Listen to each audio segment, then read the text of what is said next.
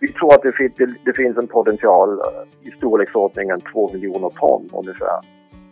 Så det är liksom vin, vin, vin, vin hela vägen. Därför ska man utnyttja hela växtsäsongen och inte ha marken bar på hösten. Att binda ner kol i marken kan vara ett sätt för jordbruket att minska sin klimatpåverkan. Och det är det det här avsnittet av Landet, podden bortom storstan, ska handla om. Jag heter Malin Marko.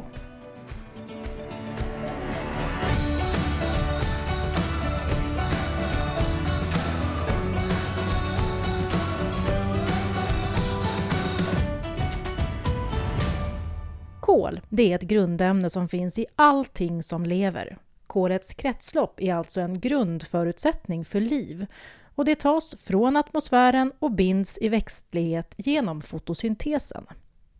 Kolinlagring, det vill säga att binda ner det kol som det har blivit för mycket av i atmosfären i marken igen. Det är det det här avsnittet ska handla om. Det anses nämligen vara ett av de mest kostnadseffektiva sätten för att få ner höjda koldioxidhalter och minska vår klimatpåverkan. Så vad behövs för att få ett mer hållbart jordbruk och en ökad kolinlagring i åkermarkerna? Hur kan vi arbeta i praktiken för att binda kol från atmosfären ner i marken igen? För att diskutera möjligheter och hinder så har jag med mig tre gäster. Den första är Thomas Ketterer som är professor i ekosystemekologi på Sveriges lantbruksuniversitet och som är expert på kolinlagring i mark.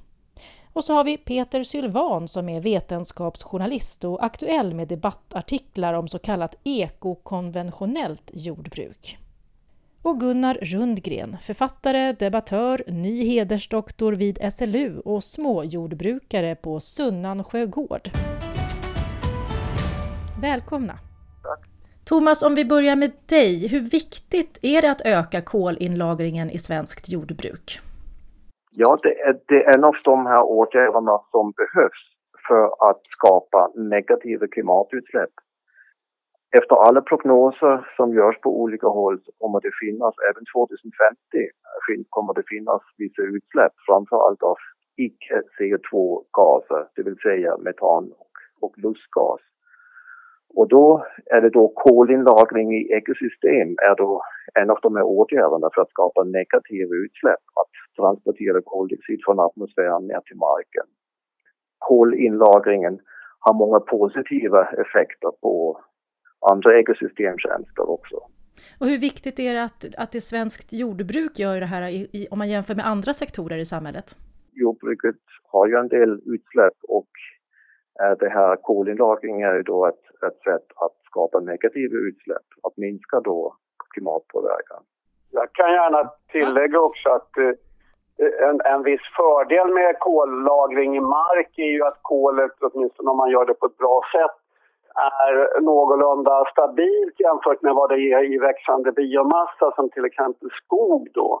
Det ser vi ju med granbarkborrar, stora stormar, skogsbränder och sånt, att, att lagra, eh, lagra biomassa i växande skog är ju, är ju fullt av eh, väldigt mycket risker så att säga. Och, och i jorden ligger koldioxiden betydligt mer stabilt, även om den kan förstöras även där. Men jag, jag tror att det är en viktig faktor att tänka på när man pratar om binda in eh, kol. Alltså det, det, det Thomas och Gunnar säger här också, för jordbrukets del så är det kanske väldigt viktigt att komma ihåg vilka, vilka fördelar det här innebär för jordbruket. Alltså vi, vi pratar mycket om det här som en, en klimatfråga och det är det. Alltså möjligheten att sänka kol i marken är väldigt intressanta och väldigt stora men sett ur jordbrukets synpunkt så är det ju de här väldigt stora fördelarna som det innebär att ha högre kolhalt i marken som är kanske jag tycker alldeles viktigaste. Vi kommer nästan in på det i nästa fråga här, för i Kyotoprotokollet så står det att växthusgaser i atmosfären måste stabiliseras för att förhindra farliga miljöeffekter. Men att det också står att, att det ska uppnås utan att livsmedelsproduktionen hotas. Och då menar ni alltså att det går att förena ökad kolinlagring och ökad produktion av mat? Det går inte bara att förena, det är dessutom en grundläggande förutsättning för att kunna producera. Men det är klart man kan producera mat på stenullsmattor och sådär men men hela det biologiska systemet bygger ju på att man omsätter kol. Så kolet är liksom den centrala navet i allting vi pratar om. Och själva vitsen med jordbruket är ju att fånga in kol från atmosfären, alltså koldioxid, och förvandla det till kolhydrater, sånt som vi kan äta. Och sen släpper man ut igen. Va? Men så fastnar en del nere i marken och kolets roll i marken är helt central. Alltså mullhalt, mullhalt, mullhalt, det är vad markforskarna har pratat om i, i decennier att man ska ha bredd om mullen och öka mullhalten i marken. Och ändå har den då sjunkit, va? alltså kolet har försvunnit. Ta tillbaka kol ifrån atmosfären och stoppa ner det i marken är ett centralt intresse för jordbruket i första hand. Thomas, hur stor är potentialen för kolinlagring i Sverige just? Vi tror att det, det, det finns en potential eh, i storleksordningen 2 miljoner ton ungefär koldioxid. Och det får man nu sätta i relation till totala utsläppen enligt klimatrapporteringen som ligger på drygt 50, 000, 50 miljoner ton. Så det innebär då en del av eh, de utsläppen men det löser ju inte allt. Kan det bli för mycket kolinlagring? Hur mycket liksom kolinlagring kan man få plats med i en bit jord? Det kolbalansen i marken styrs ju av tillförsel via fotosyntesen, alltså att hur mycket kol kommer in, växterna fixerar från atmosfären och sen hur mycket tillförs marken och hur mycket som bortförs. Det finns begränsningar vad det gäller klimatet, hur mycket kol som man kan tillföra. Det, det är snarare det som sätter begränsningar hur mycket kol som marken kan lagra. Eftersom man kan, om man tillför jättemycket utifrån så kan man höja mullhalten ganska väsentligt. Men begränsningen är ju då den totala produktionen alltså den totala fotosyntesen som sker. Och så därför, därför ska man utnyttja hela växtsäsongen och inte ha marken bar på hösten. Utan det ska finnas växter där under hela växtsäsongen som utnyttjar solljuset och fixerar koldioxid. Eftersom det är den primära processen som tar in kol från atmosfären. Och alla åtgärder som gynnar fotosyntesen, det gynnar också kolinlagringen. Det är ju detta som är så spännande med det här sättet att se att om du odlar marken så att du har fotosyntes gående i stort sett, eh, ja, inte året runt, det går inte när det är kallt och snö. Men så ökar du mängden kol som kommer ut, tas ut ifrån atmosfären och stoppar in det i växterna. Men samtidigt så hindrar du erosion så att du får mindre erosion ifrån markerna. Och dessutom så får du mycket mindre läckage därför att det växer hela tiden någonting på marken som tar upp näringsämnena. Och så lagrar du in kol i marken. Och det mest spännande med detta är ju då att de här nya odlingsmetoderna. Det är att du kan bibehålla din skörd. Du minskar dina insatser och du minskar dina negativa klimatvärdena och du får positiva klimateffekter. Så det är liksom vin, vin, vin, vin hela vägen. Men vad kan det vara, om vi, om vi är väldigt specifika, vad, kan det, vad är det för växter vi behöver då? Om det ska, om till exempel som nu gapar ju åkrarna så gott som tomma här i Sörmland där jag bor i alla fall. Vad är det för växter som ni skulle vilja se på de här markerna nu? Alltså det finns ju väldigt många nya växter som kommer in i det här som kallas för conservation agriculture. Där man odlar mellangrödor. Antingen, antingen är de då insådda i huvudgrödan och sen exploderar de liksom när huvudgrödan är borta efter skörd och marken blir grön omedelbart efteråt. Det är oljerättika, det är bovete, det är eh, lucern, det finns eh, vicker, det finns en lång rad sådana här växter. Och så är marken grön hela hösten, ligger grön förhoppningsvis under vintern. Eh, och sen så kan man så direkt på våren med en ny gröda ner i den gamla mellangrödan. Till de här win-win som, som Peter räknade upp vill jag gärna också tillägga minskat växtnäringsläckage då. Och dessutom ökat albedo. Om man har marken grön på, på hösten då reflekteras mer av, den här, av solstrålningen jämfört med om man har barmark som är väldigt brunsvart. Och det, det, har visat sig i ny, nya studier att det bidrar ungefär med en tredjedel av den här, alltså om kolinlagringen då är en viss antal ton så är det en tredjedel som tillkommer genom den här ökade albedot, alltså reflektionsförmågan av ytan för kortvågig strålning. Och det är inte direkt kopplat till växthusgas, det har ingenting med växthusgaser att göra. Utan uppvärmningseffekten direkt, man får en direkt nedkylningseffekt om mera strålning reflekteras.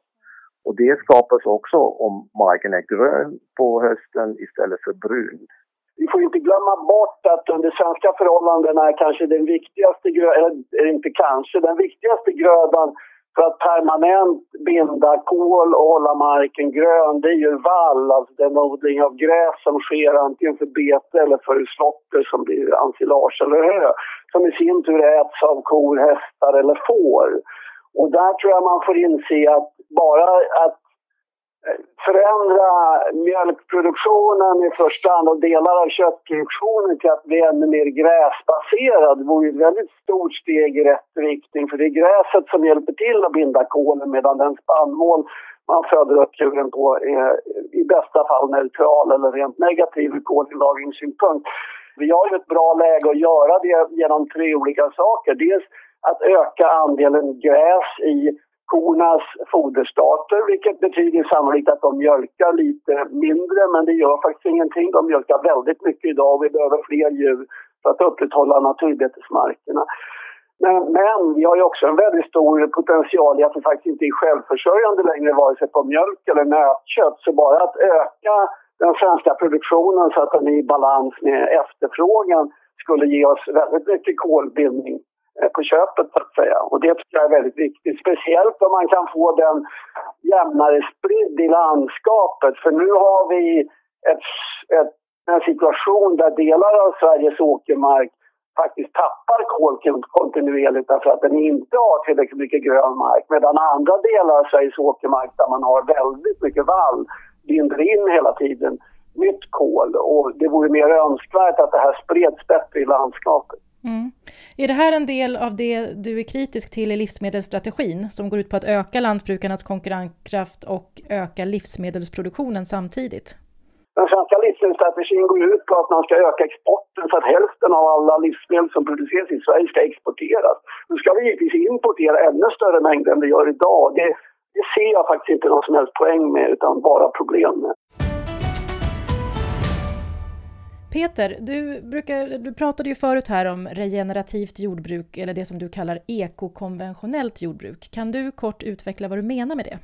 Det går att haka på då det Gunnar eh, talade entusiastiskt om på eh, vallodlingens eh, roll och betydelse. Och det är, det är ju lite spännande därför att om man tänker sig det som Gunnar pratar om och så gödslar man den här vallen med biogödsel, alltså med man stoppar inte dit en enda fossil kolatom utan man gödslar de här vallarna med, med gödsel som kommer från till exempel en biogasanläggning där man har stoppat in mellangrödor eller, eller gödsel.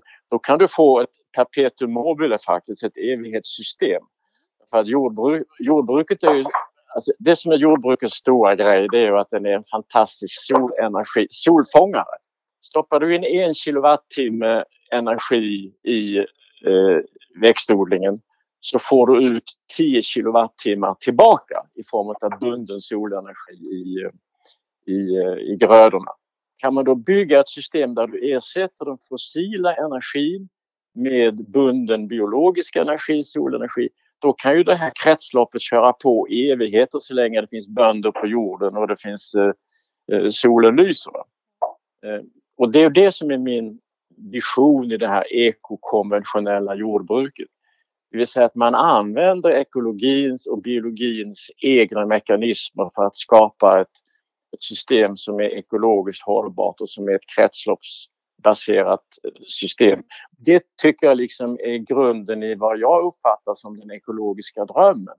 Nämligen att bli självförsörjande på gården med energi och med näring och med ta tillbaka liksom allt det som han har utsourcat ifrån jordbruket tidigare. Det, det jordbruket, det, tidigare var jordbruket helt självförsörjande på energi och på allting som behövdes på, på gården. Och då tycker jag man får ett ekokonventionellt jordbruk. Man tar hela det ekologiska tänket och så använder man alla de konventionella verktygen som finns och så bygger man ihop det till ett jordbruk som borde ta vara på alla de goda idéerna för det ekologiska jordbruket och kombinera med de bästa verktygen från det konventionella. Mm. Men går det att, att göra det här utan till exempel kemisk ogräsbekämpning då? Nej, som det ser ut idag så, så det är ju det som är själva min poäng. Va? Att man använder de bra verktygen som finns i det konventionella jordbruket och så kombinerar man det med tänket från hela den ekologiska eh, vetenskapen, den ekologiska kunskapen. Så får man ett jordbruk som inte läcker näring eller läcker väldigt lite näring. Ett jordbruk som bygger upp mer jord än vad som försvinner och där den biologiska mångfalden ökar eh, och där man stoppar ner klimatgasen i marken, alltså koldioxid och där man då bibehåller eller ökar sina skördar. Återigen, det är som vinn, vinn, vinn, vinn hela vägen. Vad säger ni andra? Är det här förenligt med ett hållbart jordbruk, Peters vision här? Det, det är framförallt fosforns kretslopp som, som jag ser som ett problem i uh, det där perpetuum mobile som Peter uh, mm. beskriver. Det finns ju lösningar för det, men, men än så länge är det ju inte så. Gunnar? Ja, jag håller med om det, för jag tycker också att eh, just det här med kolbindningen och sånt där och en betoning på jordens mikroorganismer och jordhälsa som också hänger med i det här paketet. Den talar ju också för att vi inte bara ska titta på den näring som försvinner i i det som går bort från jordbruket utan också titta på det kol som försvinner från jordbruket. För precis som vi alla vet så är det huvuduppgiften för jordbruket det är att binda in kol. Sen får jag ju erkänna att jag har en annan, en annan syn än Peter just på användning av kemiska bekämpningsmedel. Jag anser dels att de inte är särskilt viktiga i sammanhanget, det vill säga det går att göra allt det Peter pratar om utan att använda kemiska bekämpningsmedel. Utan Anledningen att man använder kemiska bekämpningsmedel i första hand är att det är billigt. Det kostar väldigt lite för att lösa praktiska problem åt jordbrukarna. Men det är ju inte alls några hinder att använda annan modern och ekologisk kunskap för att, så att säga, hantera ogräsen på en rimlig nivå eh, utan att använda kemiska bekämpningsmedel. Men då går det åt massa diesel istället uh, om du ska ha mekanisk Ja, men jag, alltså, jag tittar just på det där. Jag gjorde en liten utredning om beroendet av insatsmedel i ekologiskt och konventionellt jordbruk. Och ja, man använder marinellt med diesel i en ekologisk höstveteodling eller en konventionell höstveteodling. Men å andra sidan använder man väldigt mycket mer fossila energislag för att framställa konstgödsel som används på den konventionella odlingen så summan av kardemumman är ju ändå att fossilanvändningen är mycket lägre på ekologiska gårdar. Och där har ju Gunnar alldeles rätt och det är ju spännande därför att om man dessutom då kan ta bort den fossila energin, nämligen att man använder biogas istället, man rötar sina skörderester, man använder sin gödsel, så, så har du så är de fossila energin borta också, både när det gäller mekanisk bekämpning och när det gäller eh, att driva traktorer och driva tröskor och driva torka. Gården kan producera sin egen energi. Ja, problemet är ofta just att det är lite svårt på gårdsnivå utan man behöver gå ihop ja. flera stycken för handläggningen blir dyra. Och... Men, men är det någonting bönder har varit bra på historiskt så är det att bilda kooperativ och gå tillsammans ja. och och bygga upp gemensamma lösningar. Det kan man göra nu i det framtida jordbruket. kan man inrikta sig mot att göra sådana här gemensamma lösningar där man producerar sin egen energi, producerar sin egen gödsel och har den här typen av eh, ekologiskt sunt baserade växtodlingssystem. Eh, enligt de uppgifter som jag har fått så har studier visat att minskad jordbearbetning egentligen ger försumbar effekt på kolinlagring. Thomas, vad tänker du kring det?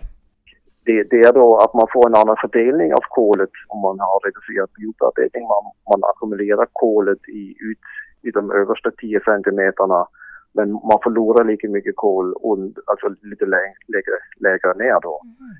Men det innebär, så i snitt över de här studierna, vi sammanställde på 100 studier och i genomsnitt om man tittar på de som tittar på hela jordprofilen är det ingen skillnad. Men det säger inte att på enskilda platser får man stora effekter och på andra får man negativa effekter. Så spridningen är väldigt stor och platsspecifik och klimatspecifik och så vidare. Så, men äh, de här fyra studierna som gjordes i Sverige då i långliggande försök med reducerad bearbetning.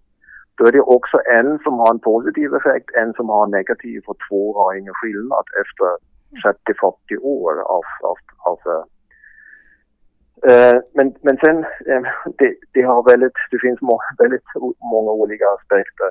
vad det gäller jordbrukarnas skicklighet att, att, äh, att med tajmingen då, att man gör rätt saker på rätt tid. Att inte förlora skörd eftersom i de här svenska försöken som vi har då är det i snitt 10 lägre skördar.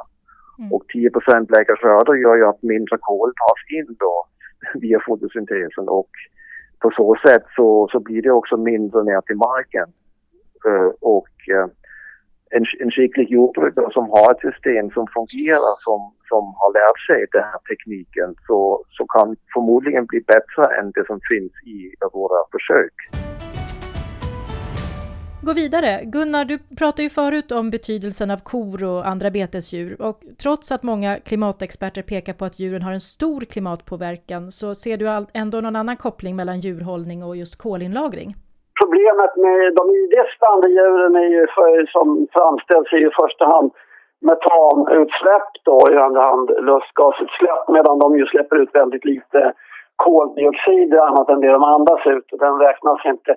Eh, men och sen har vi det på, på, på plussidan, vilket man ju aldrig räknar med. Det är ju alla de värden djurhållningen och framförallt då eh, nötkreatur och får kan bidra med. Och där är ju kolinlagring en av flera positiva effekter. Det andra är ju sådana saker som Thomas nämnde vad gäller plöjningsfritt också, att det förbättrar jordstrukturen och, och vattengenomsläppligheten och alla möjliga andra saker. Sen har vi också värdet av att ha betande djur för eh, den biologiska mångfalden eh, i landskapet. Men det man ofta glömmer bort är ju också återigen att jordbruket och livsmedelssystemet är ett system och det är ganska stora flöden av eh, produkter som, som går till djurfoder och som är en del av att producera många produkter som vi uppfattar som vegetabiliska, säg som rapsolja eller vetemjöl eller havredryck eller öl. Alla de har ju restprodukter som används och används på ett väldigt bra sätt som djurfoder och där får man också en viss återförsel genom djurens gödsel till jordbrukssystemet. Och det är ett väldigt rationellt sätt att integrera djur och växtodling istället för att ställa dem mot varandra. Så ja, jag, jag har lite svårt att köpa den där problembeskrivningen där djuren framställs som det stora problemet.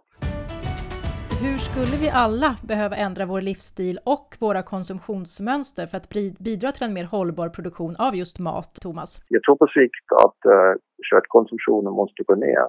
Men det betyder inte att uh, vi i Sverige uh, eh, bör producera mindre kött. Eftersom vår, vår klimatpåverkan och resursutnyttjande, vi, vi, vi gör ett väldigt bra, väldigt bra jobb i svensk produktion för att producera mjölk och kött. Så vi kan producera mera men vi måste ändå dra ner vår konsumtion av kött. Det är mitt perspektiv. Mm. Gunnar, vad tänker du om det här med livsstil och konsumtionsmönster? Men om vi pratar maten så tycker jag en rimlig utgångspunkt är att vi äter i huvudsak mat som kommer från de typer av ekosystem där vi lever. Och det är orsaken till att eh, i stora delar av Asien där man har levt i konstbevattnade eh, floddalar med väldigt höga befolkningstätheter så äter man typ 80-90 ris som man kompletterar med lite gris och lite kyckling och lite grönsaker.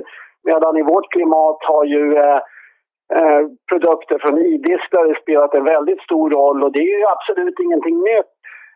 Vi behöver liksom inte ställa dem mot varandra. Vi ska förvalta det landskap vi bor i och äter. Om man drar lite extremt så kan vi gå till eh, de renskötande samerna i norraste, nordligaste Sverige Ska de då sluta äta 200 kilo renkött eller vad de nu äter per person och börja äta en massa importerade sojabiffar istället? Är det bra ekologisk anpassning?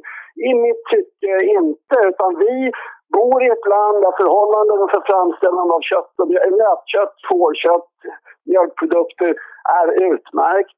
Och det, ska vi, det har präglat vår kost och bör fortsätta prägla vår kost det, det, måste vara det centrala att diskutera hur är den här maten producerad. Det är inte konsumtionen ja. egentligen utan det är produktionen som är det viktiga. Och det är lite övermaga tycker jag i debatten. När vi sätter oss på våra höga hästar som nästan känns och säger åt människor som har levt under, under förhållanden som vi levde på, på 1600-1700-talet. Och säger nej nu ska inte ni öka er levnadsstandard. Nu ska inte ni få lov att konsumera mera. Utan det måste vara produktionen som är det centrala och att vi får sådana globala villkor att produktionen sker på ett klimatsäkert, miljösäkert och hållbart sätt. Och sen vad folk sen äter, det är faktiskt rätt mycket upp till dem själva tycker jag.